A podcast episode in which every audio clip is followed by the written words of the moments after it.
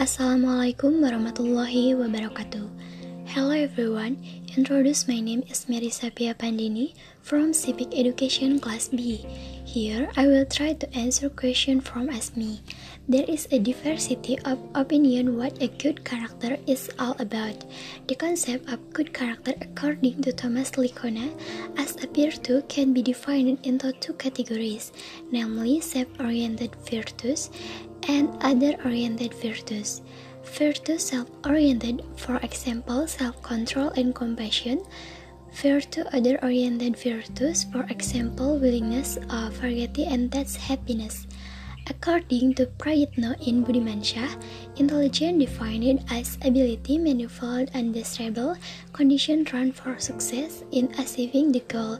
Intelligent individual in the sub-stage of behavior that is active, objective, analytical, aspirational, creative, innovative, dynamic, and anticipatory.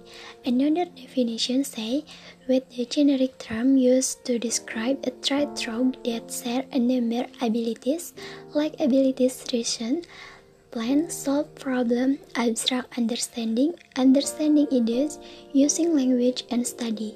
Intelligent close with cognitive abilities owned by individual.